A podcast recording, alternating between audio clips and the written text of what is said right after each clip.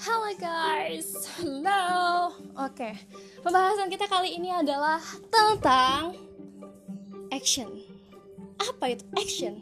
Menurut kamus bahasa Indonesia, action nggak ada.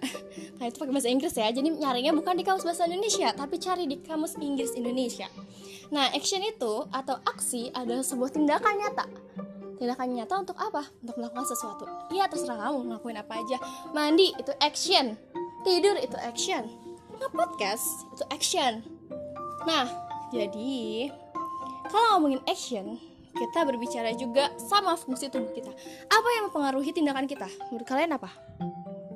Otak kita pinter banget. Nah, jadi otak kita itu ada yang tahu gak sih kalau otak kita itu terbagi menjadi banyak lobus? oh, mungkin kita udah pernah belajar di SMA, di SMP, ya gak sih? Tapi aku cuma mau, bahas dua Karena kalau misalnya kamu bahas banyak Kamu masuk aja ke fakultas kedokteran Oke okay? Oke okay. Kita langsung bahas aja ke uh, otak kita Yang mengaruhi action kita Jadi di dalam otak kita itu Ada dua Yaitu Ada yang tahu? Baiklah Yang pertama adalah lobus frontal dan proksimal apa sih? Ngomongin apa sih? Bukan bukan maaf ya salah. Ada yang namanya pikiran kita yang ada di dalam otak kita itu ada yang namanya conscious sama unconscious. Apa tuh conscious unconscious? Apa sih? Nah conscious itu artinya sadar. Unconscious artinya unsadar berarti tidak sadar. Nah di dalam action yang kita lakukan itu dipengaruhi oleh conscious kita kesadaran kita. Misalnya nih uh, gue mau ngepodcast. Oke. Okay. kan gue sadar dong kalau gue mau ke podcast kan? Gak mungkin kan gue mau ngepodcast terus gue lagi tidur dan gue nggak sadar.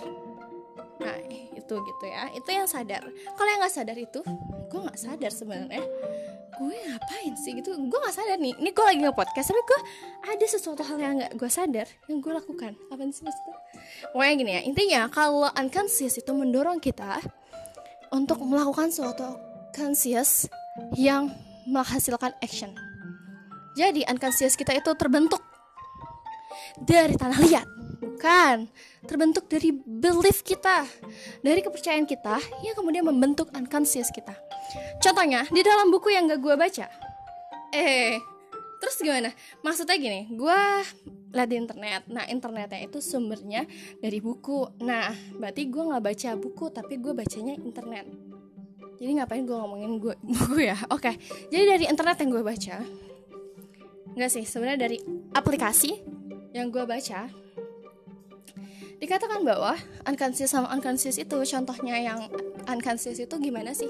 Misalnya kita dari kecil udah dididik sama orang tua kita. Kalau orang tua kita bilang hidup itu susah banget. Nyari duit dikit aja susah banget. Gitu terus sampai kamu gede dan otak kamu otak unconscious kamu yang gak sadar itu kemudian bilang juga hidup itu susah nyari duit itu susah banget gitu. Karena kebawa-bawa sama tindakan kamu.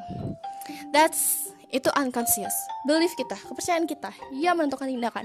Sama kayak kamu percaya akan adanya Tuhan.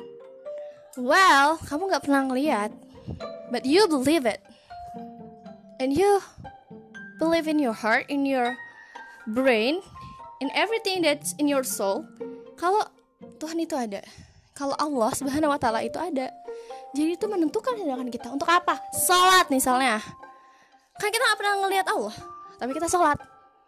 Itu unconscious kita yang mendorong kita karena kepercayaan kita itu terhadap adanya Allah subhanahu wa ta'ala. Gitu guys. Nah pokoknya pembahasan unconscious sama conscious udah sampai situ aja dulu. Bye bye